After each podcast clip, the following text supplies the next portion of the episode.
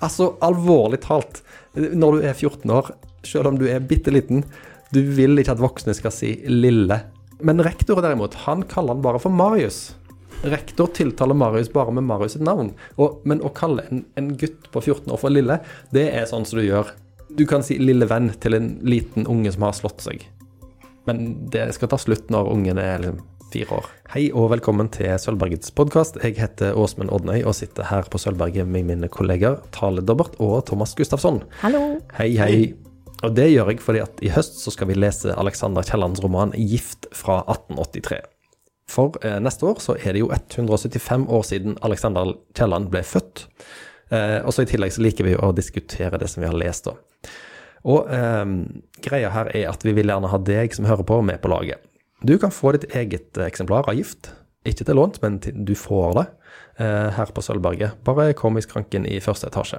Hvis du bor et annet sted og ikke kan komme til Sølvberget, stakkars menneske, så, så kan vi sende boka til deg. Kontakt oss på podkast.solvberget.no, altså podkast med c, solvberget.no, så får du boka i posten.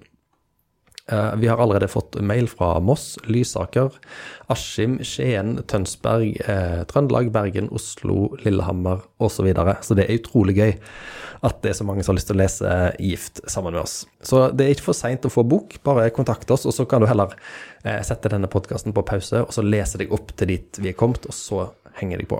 Det anbefales sterkt. All right, til dagens dose. I dag skal vi altså snakke om kapittel 1 og 2 av Gift. Og Tale, eh, mange som hører på har jo kanskje lest eh, de to kapitlene, men likevel, gi oss et kort riss. Hva er det som skjer? Hva er den konkrete handlingen i kapittel 1 og 2? Eh, vi starter i geografiundervisningen på en ikke navngitt skole. Um, hvor vi møter lille Marius. og Han er liten, barnslig, fattig og født utenfor ekteskap. Uh, men heldigvis er han briljant i latin. Han er bestevenn med Abraham, som er alt det motsatte. Han er sterk og smart og rik og alt som er bra i verden. Um, disse to guttene uh, får vi observere i disse naturlige omgivelser. Um, og så, i kapittel to, så Eh, blir vi kjent med deres hjemlige omgivelser. Og vi blir kjent med de voksne som omgir dem, og alle har eh, noe å skjule eller noe de lider under. Og Det som jeg la merke til i disse første kapitlene, er jo at eh, eh Kielland introduserer oss jo for mange personer, eller fem, seks, sju stykk. Sånn som jeg leser det, da, så setter han det opp i en slags sånn eh, par hvor det er en kontrast imellom dem. Jeg tenkte vi skulle snakke litt om det. Eh, F.eks. Marius og Abraham. Hva er, de har litt ut, ulik bakgrunn, men hva er på en måte dynamikken i, i deres relasjon? Det er veldig sånn eh, maktubalanse, på en måte. Eh, sånn som Tale sa, han ene har alt, han andre har inget, på en måte. Foruten latin, da. Men, så, altså, og liksom, det var som at det bare ble eh, Mammaen til Abraham sa kan ikke du typ, passe på han litt? Og så ble de plutselig venner.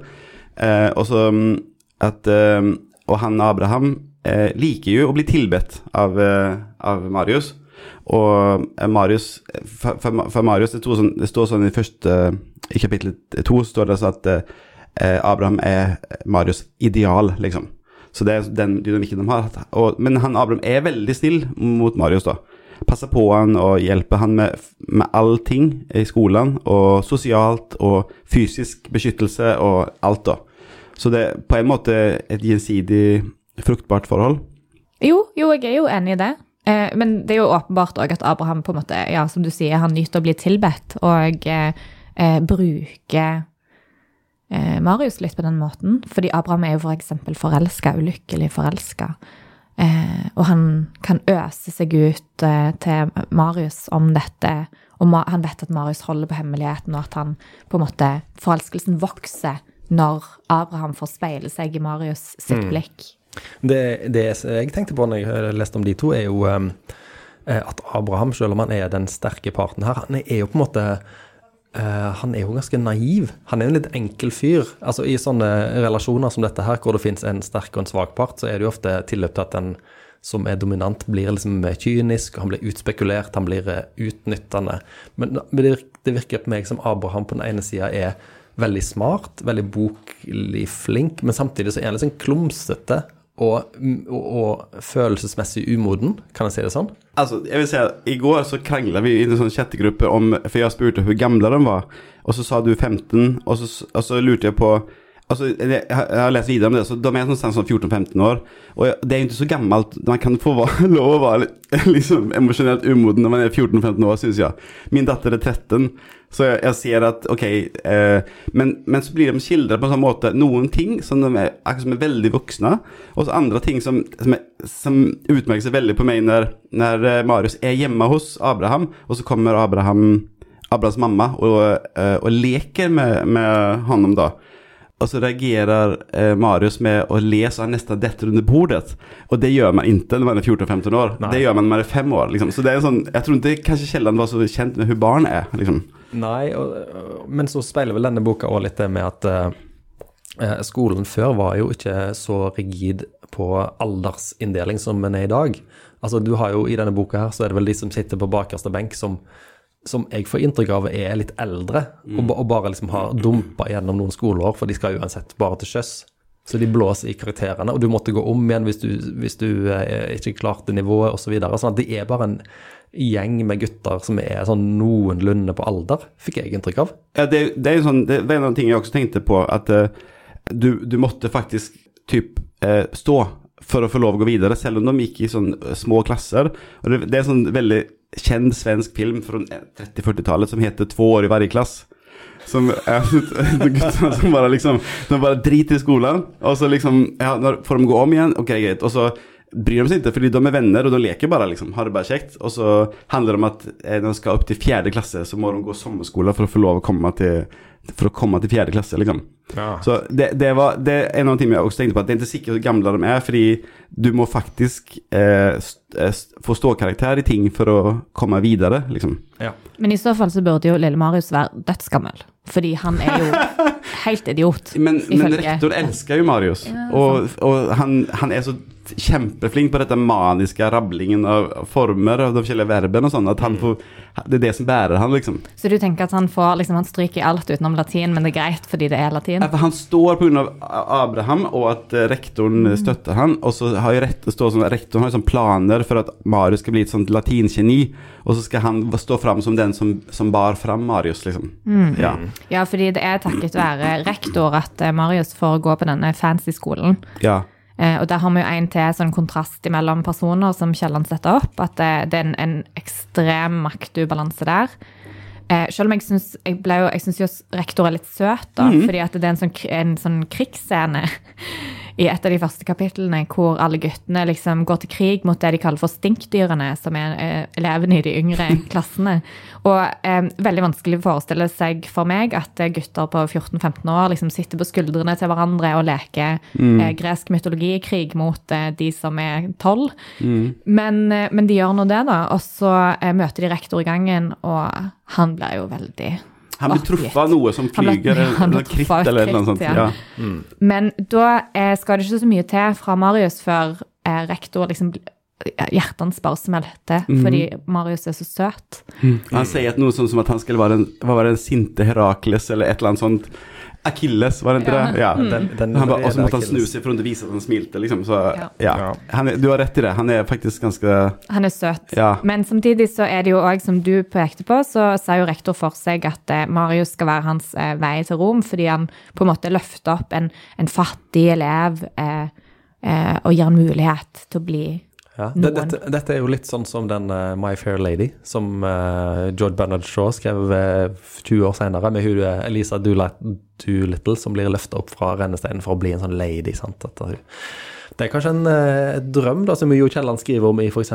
i eh, En god samvittighet. Drømmen til de velstående om å løfte opp samfunnets svake. I er hvert fall i, hvert fall i teorien skal det skje. Men ikke, i praksis er det ikke like gøy. I praksis er det ikke like gøy og le like lett.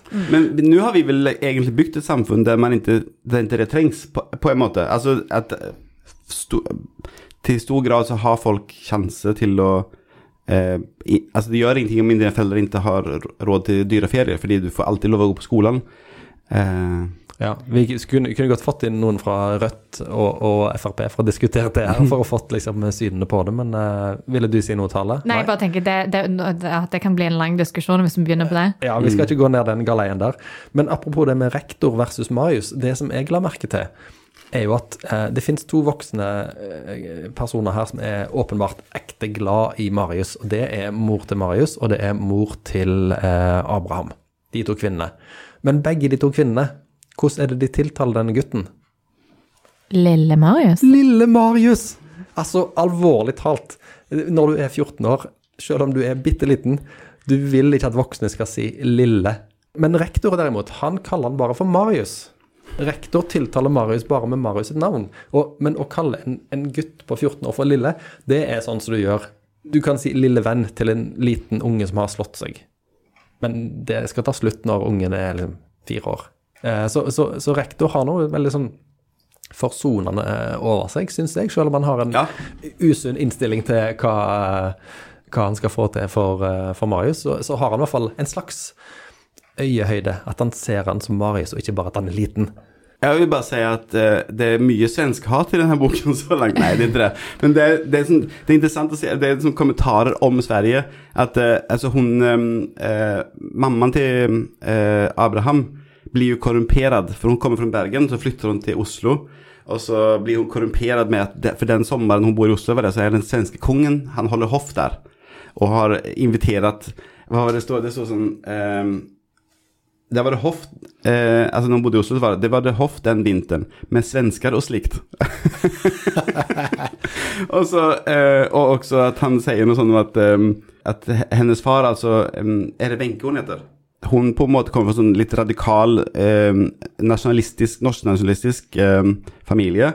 Eh, og at de snakker kavnorsk under den spirende blågule reaksjonen, som vil si at eh, den konservative makteliten i Norge er veldig svenskevennlige, mens de andre er motstandere til det. Dette bringer oss over på den neste relasjonen jeg vil snakke om. Det er nemlig mellom Abrahams foreldre, Wenche og Karsten. Eh, der er det ganske mye å si. Eh, på, de er jo motsetninger i nesten ett og alt. Hva er, hva er forholdet mellom eh, de to foreldrene, Tale?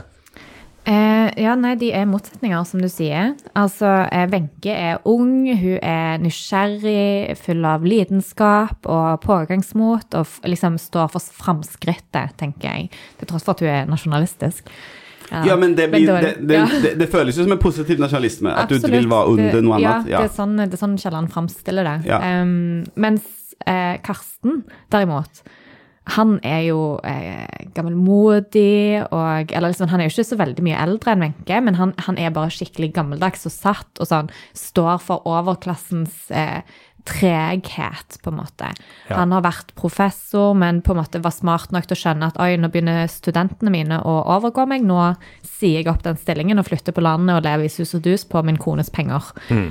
Ja. Eh, og han sier jo ganske tydelig fra til sin sønn Abraham at du kan ikke fortsette å være venner med Marius til all evig tid. Det er ikke sånn verden fungerer. Når dere går ut av skolen, så skal du opp og fram, og han kommer ikke til å bli til noe. Mens eh, Wenche har mer sånn tro på menneskeheten. Mm.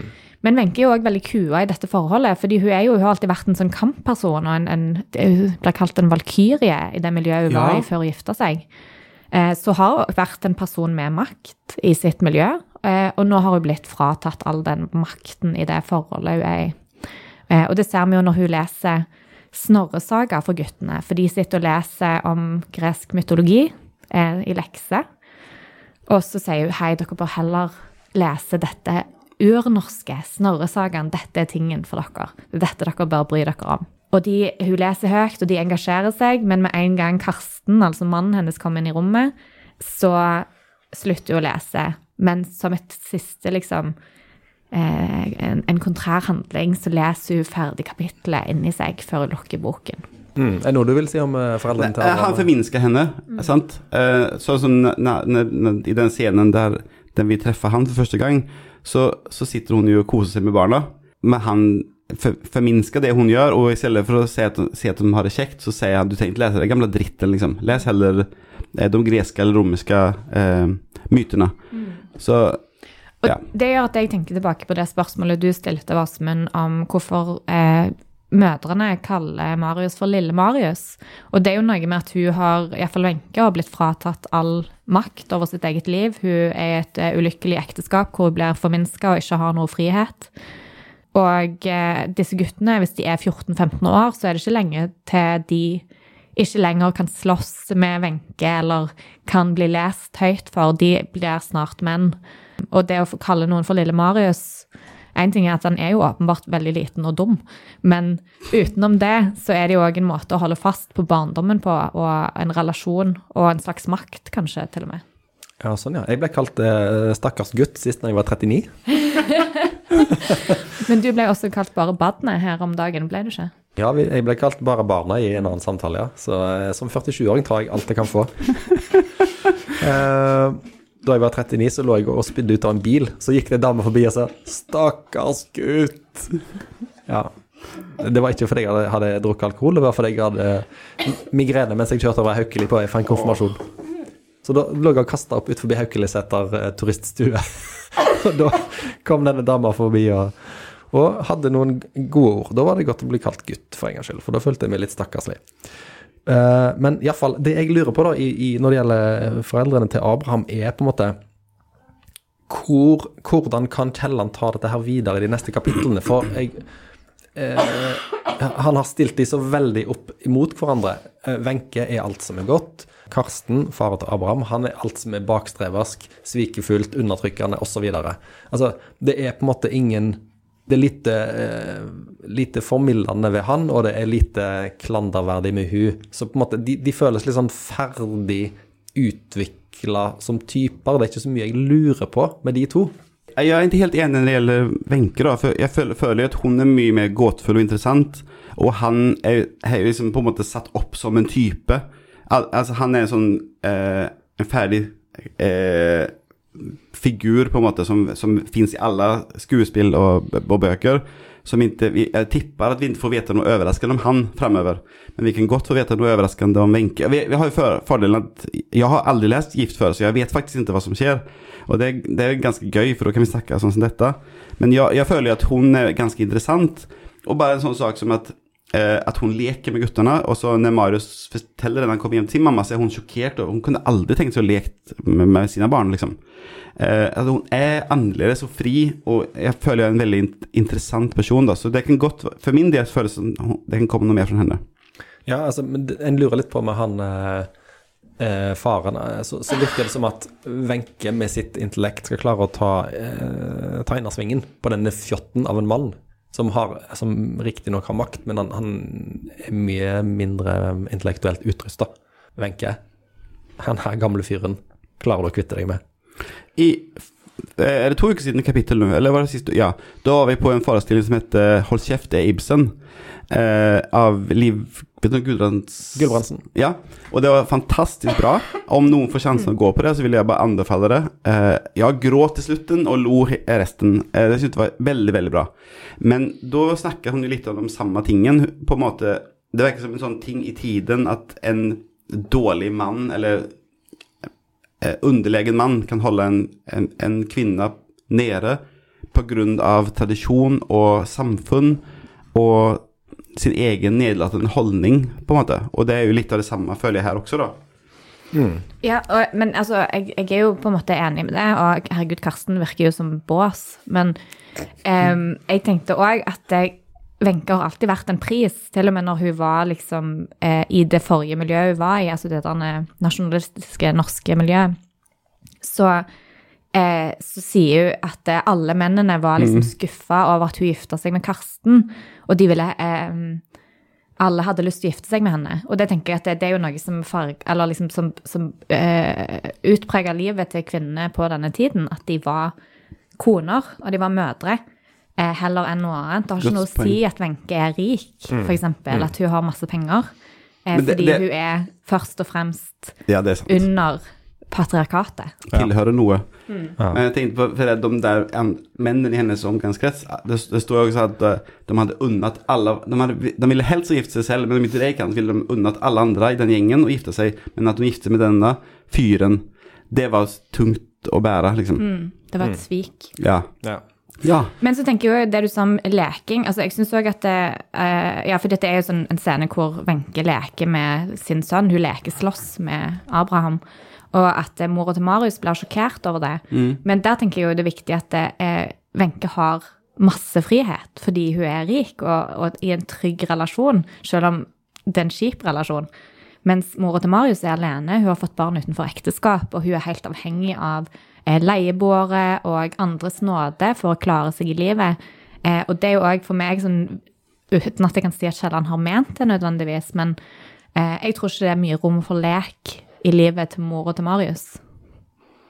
Nei, lek er jo en eh, luksusaktivitet. Det kan du gjøre hvis du har eh, overskudd, og, eh, enten økonomisk eller fritidsmessig, eller eh, eh, har det bra med deg sjøl, liksom. Jeg vet, ikke- jeg vet ikke liksom, det, Oi, eh, hur, hur de er på en måte. For eh, altså, hun har jo, som du sier, hun har jo egentlig fått Det hun har, har hun fått. Så er det, er det pappaen til Abraham som har gitt Eller mammaen, da, egentlig. Som har gitt henne penger til den butikken hun driver. Er det? Ja. Så hun lever på nåden, liksom. Men jeg vet ikke om de Jeg vet ikke hvor fattig det er. Jeg, jeg har ikke fått helt inntrykk av De kan jo ikke lese langt, liksom, så jeg vet ikke om mm. hvor, hvor fattiga de er. Men, men det virker som at det- hun hon har to leieboere, sant? och det, ju, det har man jo ikke om man ikke er inne i sin egen leilighet. Så det, det er jo ikke kanskje akkurat nød, men at det går akkurat liksom. Mm.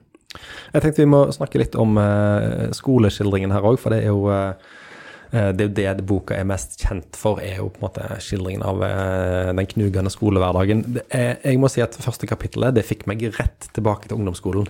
De der timene hvor du sitter og er litt nervøs for læreren, eh, litt glad for at det ikke er du som blir spurt, og gleder deg til å slippe ut. Eh, og Kielland har jo gått på Kongsgård, som ligger 50 meter bak oss på skolen her tale, var det, var det flashback til skoledagene dine når du leste første kapittel av Gift? På ingen måte. Når jeg, når jeg så at du hadde skrevet det i chatten, Ja, så var jeg ikke sånn Hva, er slags skolehverdag er det du har hatt, Åsmund? Jeg, Jag eh, ser Åsmunds min nu! Jag är så skuffa. jeg, skal ikke, jeg skal ikke navngi den skolen på Karmøy som jeg har gått på. Men eh, nei, jeg heldigvis eh, opplever jeg ikke at min skolehverdag har vært sånn. Jeg håper at barn som vokser opp i dag, er mye mer involvert i undervisningen og ikke eh, bygger skip og seiler nedover verdenskartet, mens noen andre blir spurt ut eh, av læreren, og læreren egentlig ikke følger med på noe annet enn én person om gangen. De har en sånn ting på pultene sine som er tilknytta noe som heter internett. I stedet for å lage sånne små figurer som de hiver rundt på, så sitter de da og, og finner det utroligste på dette internettet. Når andre blir spurt. Ja, det, dette, det, dette vil bli kjent for deg etter hvert. Alltså det, det er et system som er litt sykt. Men framfor alt er problemet at læreren vi har jo bare lært kjenne en lærer, egentlig, og han er jo cheap, sant? Han, han føler seg sikkert liten i sitt liv, så da tar han det ut over de elevene som ikke Altså de som du sa som sitter på bakerste rad, og så svarer en av dem Han har virkelig forsøkt, en av elevene. Han har virkelig forsøkt, og så sier han Skal han til en by i Belgia, tror jeg det. Og så uttaler han det litt fel, men alt, alle bokstaver er der, liksom. Og så blir han bare håna i stedet for å oppmuntre. Og det, jo, det handler jo om at den læreren er kjip, liksom. At han tar ut en, en, en som allerede har det vanskelig. Men eh, jeg tenkte i, i eh, skildringen av lærernes eh, ondskap eller kjiphet, eller hva du kaller det, at det er noe som ikke biter så hardt på meg i dag. fordi at eh, hvis det er noen institusjon i samfunnet som har blitt eh, tøysa med i de, de 140 årene som har gått siden Gift kom ut, så er det jo lærerstanden. Det er lagd så mye vitser og sketsjer og eh, parodier på lærere. Eh, At eh, n- når han sier 'Å, dere skulle hatt bank, alle sammen', så sitter jeg liksom bare og ler litt. For det, er bare litt sånn Det blir litt sånn NRK-sketsj for meg, da. Ja. Å, dere skulle hatt bank, alle sammen! Det, eller kjente dere det i magen liksom at å, stakkars elever? Når dere leste de der eh, linjene med hvor han driter ut eh, de svake elevene. Nei, jeg vet ikke. Jeg tror kanskje òg at det ikke biter fra seg like mye nå som det gjorde. Men for meg så er det ikke så mye at det, det har blitt snakket om allerede. Men det, det er mer hele klasseromsettingen, at det er på en måte ingen som bryr seg. Altså, De andre elevene sitter jo og leker med båtene sine. Det er sånn, jeg jeg føler ikke at han ut eh, Altså, det er kjipt for han som blir spurt ut, men, men det føles ikke som eh, eh, som om noen andre i rommet bryr seg om det. Nei, men det, det, tror Nei, det jeg ikke, det har ikke forandra seg på 140 år. Det er bare sånn det, er sånn det. likt. er. Men, men det altså vi, man kan heller ikke kreve at noen som har lest For dette skjer jo liksom typ på side to. man, man har ju ingen følelse for de der idiotene på rad. Alltså du kan inte, det, är inte sånn det, är, det funkar med läsning. Du, du har inte empati umiddelbart, du må jo lære å kjenne de personene. Så jeg har ikke heller noen følelse, jeg bare tenker at her er det jo den personen som lærer som er problemet. Så det blir spennende å se hva, hva som skjer videre. Ja, jeg for min del vil jo gjerne allerede nå, i første eh, kapittel gjennomgang, ta et oppgjør med oppgjøret med Kielland. Eh, fordi at eh, alle er enige om at pugging, det er fy-fy. Puggeskole, nei, nei, det vil vi ikke ha. Eh, og jeg er jo langt på vei enig, men samtidig, pugging har et altfor dårlig navn. Pugging har fått et dårlig rykte, og jeg tror mye av det skyldes gift. Noen ting må du faktisk bare pugge. Vi holder på med det hjemme nå. Min datter skal ha, ha eh, alle hovedsteder i Europa og land og fylken.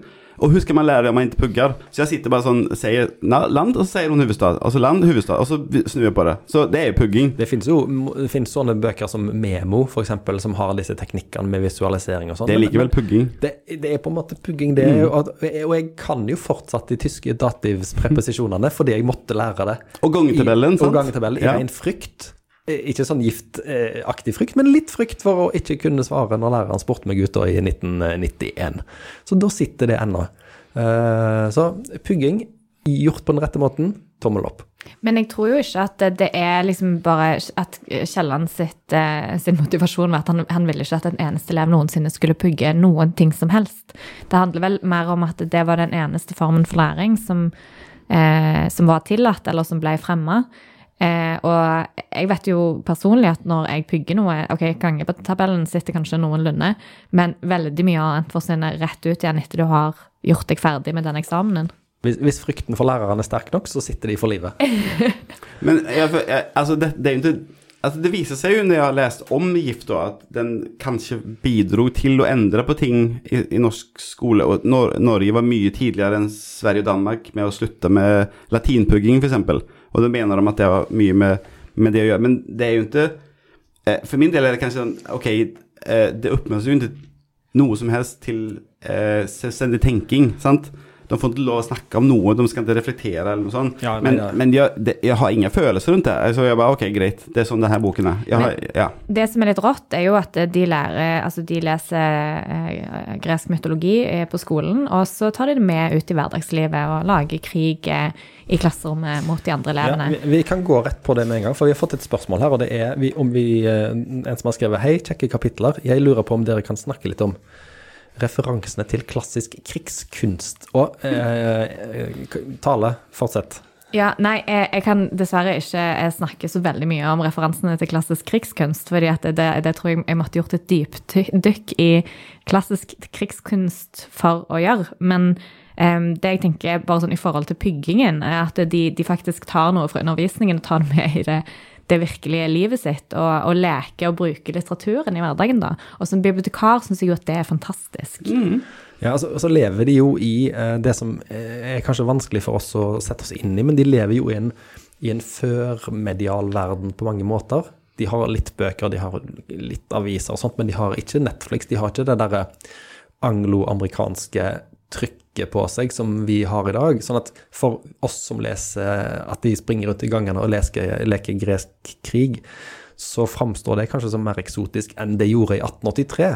For dette, da levde ikke folk under dette eh, amerikanske verdensbildet sånn som vi gjør i dag. Dette er den underholdningsindustrien. Så hvis du går på, på latinskole og, og, lærer om eh, antikkens eh, helter og guder, så ok, da er det den inputen du har, da. Da tar du det med deg ut. Ja, og det, det fanns jo ikke egentlig barnebøker på den tiden. Det var de fortellingene som fanns. Eh, så, så, det er klart at det er dritspennende å lese om noen som, som er usårbar utom hælen, liksom. Eller det, det, det, er den, den, dagens superhelter, på en måte. Nettopp. Ja, og det er jo veldig gøy. Og det ser vi jo altså, at lille Marius, som hele veien blir påpekt uh, hvor liten og dum han er, at han kan få lov til å være Akilles, da. At han kan være en helt. Det er jo fordi de, de lærer om eh, Eh, det er fordi de kan bære han.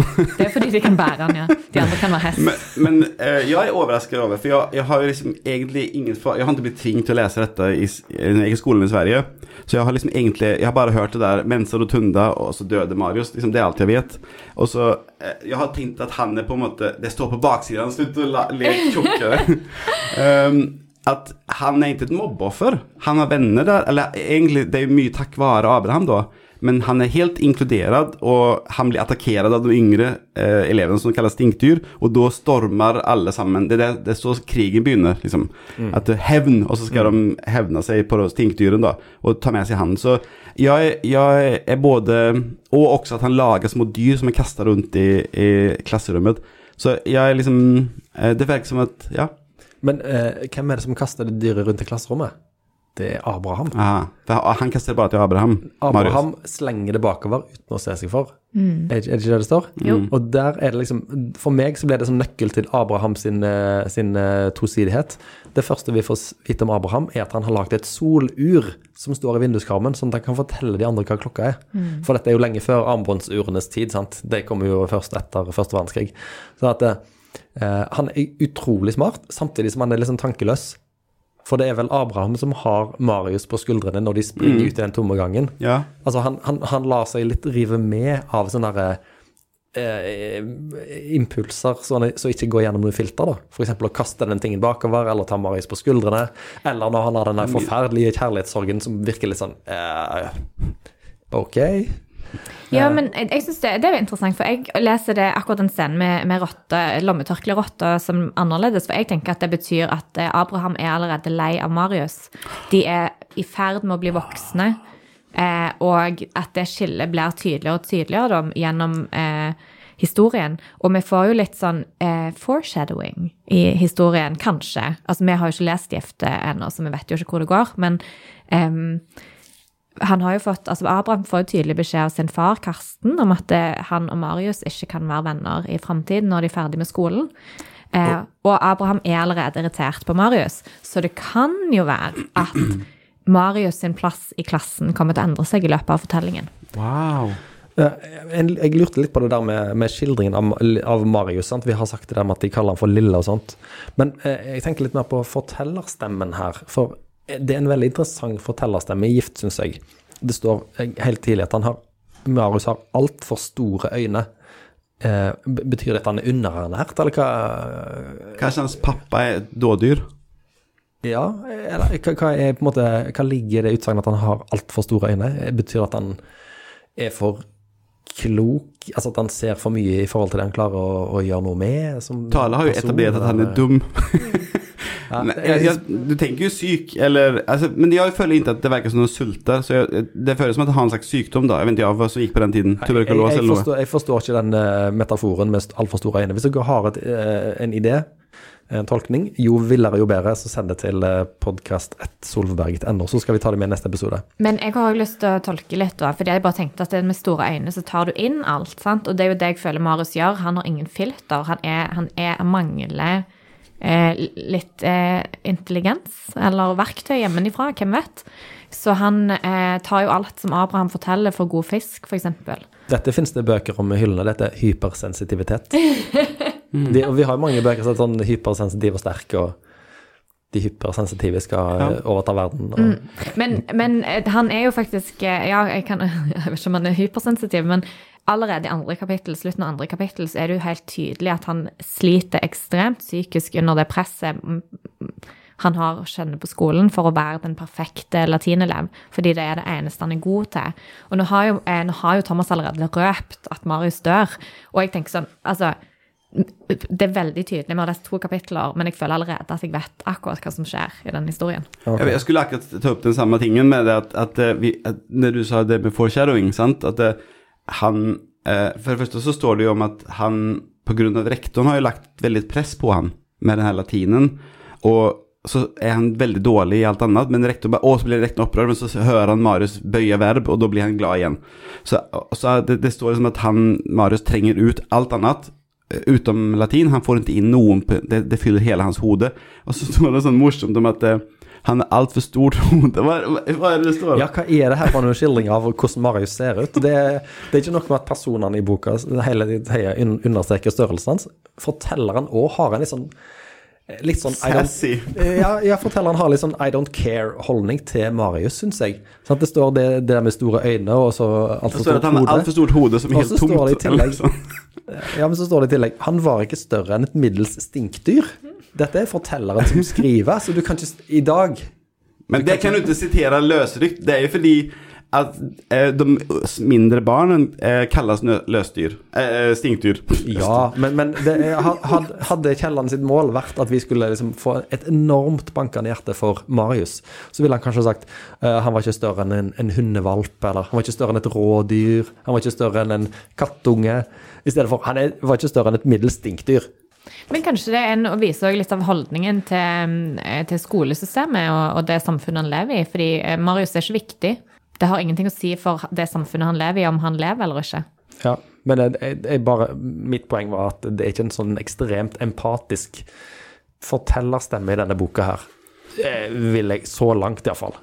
Om man tenker på f.eks. exempel eh, Tvillingens dagbok eller noe sånt som skildrer sinnssyke ting men med en sånn fullstendig klinisk eller neutral stemme, så er det kanskje litt som her. For noen ting av dem, av dem Det er ingenting forferdelig som har skjedd ennå. Men det er liksom systematisk mobbing av de som har lite penger og ikke Kanskje, kanskje de må jobbe, derfor de ikke kan noe, de guttene lengst bak. Men, men her får vi også se at han kriser fullstendig eh, når han plugger latin. Og han har liksom gått på skolen hele dagen, og så har han vært hjemme hos Abraham og plugget hele dagen, og så nå er klokka ni på kvelden. Og han vil fortsette å lese, og han er liksom 14 år eller noe sånt, og det er ikke naturlig, sant?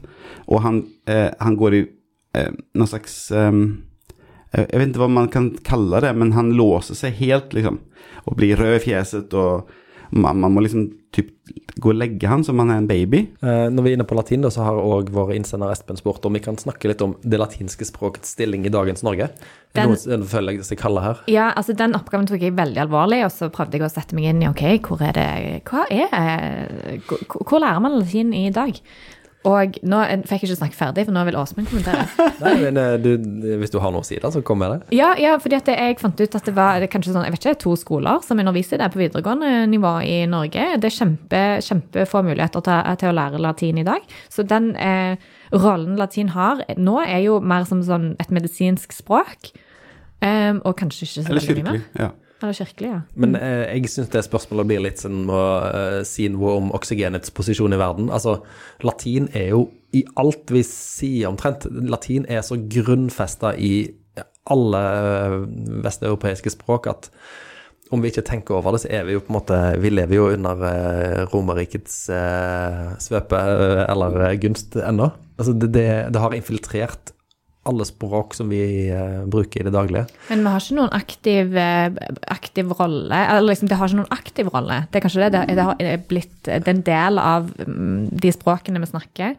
Ja, det har Men- blitt eh, infiltrert i oss. Det er så dypt i oss at vi tenker ikke over at det fins engang. Men når jeg var i den alderen, noe sånt, litt- kanskje litt eldre, så hadde jeg en kjæreste som, som pugget latin. Eh, eller leste latin i sin skole. Så har jeg forstått efteråt at det betydde at hun gikk på en sånn fin skole.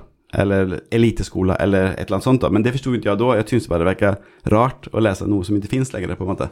Ja. Men, så det, men, men det er en sånn Det utmerker seg litt på samme måte som her. For her også er det jo et skille at noen går og leser latin, og så noen andre går et annet sted og leser noe annet, eller går hjem. Sant? Så det, og det er sånn nå også. De, de litt, skolene som er litt bedre enn andre, de skal lese latin. Da. Nei, men det, sånn er det ikke lenger, tenker jeg. fordi at sånn, For eksempel hvis du ser på Stavanger Du tror at de to skolene som har latin, utmerker seg gjennom å være eh, lav status? Nei, men jeg skulle si at f.eks. Stavanger katedralskole, som jo antageligvis er eh, den skolen som Lille Marius går på, da, siden det der Kielland har gått, eh, de underviser ikke i latin, tror jeg. Nå er det bare nå er det arabisk som de underviser i. Og det tenker jeg jo er veldig sånn betegnende at de fleste, til og med eh, eliteskoler, em, har gått over til å undervise i språk man faktisk kan snakke og bruke Ja. i hverdagslivet. Jeg, jeg, jeg har et innspill her fra litt tilbake i tid. Jeg hadde jo en far som gikk på latinlinja i Oslo på slutten av 60-tallet. Um, og da, han sa mange ganger at uh, hvis de ikke levde opp til forventningene til latinlæreren, så pleide han å si dere er så dumme at man skulle tro dere gikk på engelsklinjen.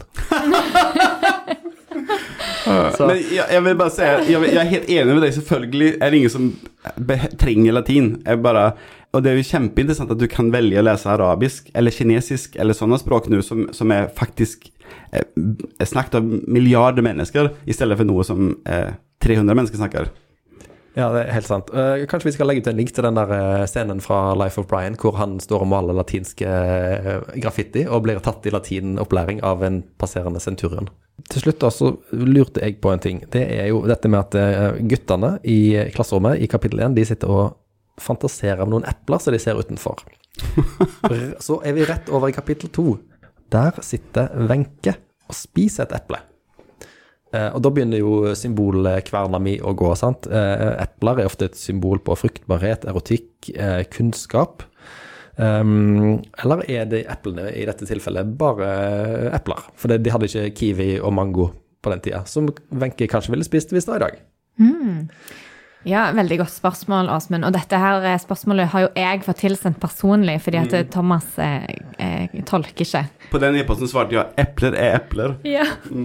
Men når du sier det, at f.eks. eple Ja, fordi ja, Bibelen, sant. eh, Eple er kunnskapens frukt, men hva mister du når du spiser av det? Jeg lurer jo på hva slags eh, hemmelig kunnskap rektor skjuler i hagen sin, da, hvis eplet er liksom er kilden til forbudt kunnskap. Ja, kanskje de bare lengter etter å bli voksne, etter det det betyr? At Det kan være. Ja.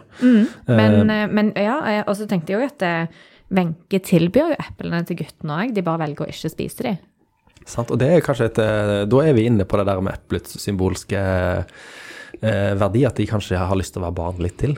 Jeg vil Nydelig. melde eh, at jeg tar avstand fra dette spørsmålet. Jeg syns det er utrolig søkt å si at eplet betyr erotikk. Når den ene sin mamma som sitter og spiser eple framfor guttene. Så jeg, jeg, jeg syns ikke det Jeg, jeg, Jeg syns ikke det. Kanskje det er sånn eh, skjult homoerotisk budskap også i Kielland sitt verk, med liksom eple og guttene lengter etter rektors hage. Og, ja, det er noen muligheter der som er veldig interessante. Men eh, ikke, ikke for å bli helt uh, konspiratorisk, men eh, i, i, i, i norrøn mytologi uh, der finnes det ei fruktbarhetsgudinne som knyttes veldig sterkt til epler. Og hva heter hun? Hun heter Idun. Hva heter skoleteateret på Kongsgård? Idun. Ba, ba, ba, ba. I mean Ok, så hvis dere på Kongsgård hører på dette her og, og har tanker om eh, Idun, skoleteateret versus fruktbarhetsgudinnen og, Og ketsjup. og Nei, og eplene i gift, så vil vi gjerne høre det. Alle andre er òg invitert til å sende inn Gi oss epletolkninger. eh, de beste epletolkningene dere har. Um, ok, for å runde av da, eh, Tale og Thomas. Etter disse to første kapitlene, er det klart for oss som hører på hva denne boka egentlig handler om, eller hva, hva plottet er? Nå har vi blitt presentert for liksom, miljøer og folk, men eh, er det en retning her? Får jeg spørre noe? Eh, er, Jeg er hadde, det, for, jeg hadde foretrukket svar, men eh, jeg, jeg skal svare med et spørsmål, og det er sånn eh, Visste folk allerede på den tiden at For nå er det sånn, det står jo på baksiden eh, Det første som står om boken på baksiden, er at han dør, Marius, sant? Visst, var det sånn det var når den boken kom ut også, eller var det et sjokk når, når folk leste den? Det, det lurer jeg på. Uh, vi kan sikkert finne en førsteutgave i, i her borte i gangen, og så se. Hvis du Men jeg vet ikke om de hadde sånn blurbs de hadde ikke på blurb 1800-tallet. Den mest realistiske realismen ever. Hilsen Georg Brandes. Men det, det, det lurer jeg på, om det er liksom sånn eh, Om det var kjent allerede da, eller om det er noe som, som Nå er det så kjent at de ikke prøver å skjule det engang. Liksom. Ja. Jeg tipper at ryktet gikk allerede på 1800-tallet. Men, men kan jeg bare si, for å svare litt på ditt spørsmål òg, Åsmund, at det, nå har vi lest to kapitler, og jeg føler jo at jeg allerede har lest boken ferdig. Ja, for du vet hvordan Wenche er, du vet hvordan Karsten er, du vet hvordan uh, Abraham og Marius er. Det eneste jeg er nysgjerrig på, er disse eplene. Wow. Wow! Uh, okay. okay. vi får håpe det. Men er det sånn at du vet noe om eplene? Siden, for jeg syns det virker så rart når du tar opp de eplene, Åsmund. Eh, Thomas, dette er ikke naturfagstimen. Jeg har ingen anelse om eh, eplefasit. Jeg sitter ingen med sånn Hvorfor spør spør du om det, da? Det er helt sinnssykt for meg. Du, konseptet her er at vi leser ting, og så, og så diskuterer vi de. Det vet ikke jeg noe om. Du, du får gå bort til fysikk, fysikksalen, to, okay. to dører bort, og så så skal du få fire streker under svaret. Ja. eh, Og så skal vi få inn en, en annen en eh, inn din stol neste gang. Og så vil jeg si at Hanna, som er leder for Kiellandsenteret, sa på forhånd at det var en veldig sånn spennende sp em, eh, cliffhanger. At kapittel to slutter med en cliffhanger. Og det gjør det jo ikke. Nei, og apropos slutten, er det mulig jeg har lest litt svakt her, men plutselig nederst på side 38 så står det og distriktslege Bentsen var en prinsipiell motstander, blad i blad. Hvem er det for en? Hvorfor kommer han inn som en sånn siste person i kapittel to, distriktlege Bensen? Jeg tror det bare er som en sånn autoritetsskikkelse som, som er, Det kunne da vært hvilket navn som helst, men i posisjon av distriktsoverlege, så ja. Ja. Så i dag ville det vært en sånn eh, Instagram-helseinfluenser. ja eller fylkesmannen. Fylkesmannen, Ok, greit. Vi får se om distriktslegen kommer tilbake igjen neste Ja. gang. Um, Det var veldig så lenge vi kunne snakke om 30 sider. ja. Eh, neste episode kommer fredag 13. oktober, og da skal vi diskutere kapittel 3 og 4.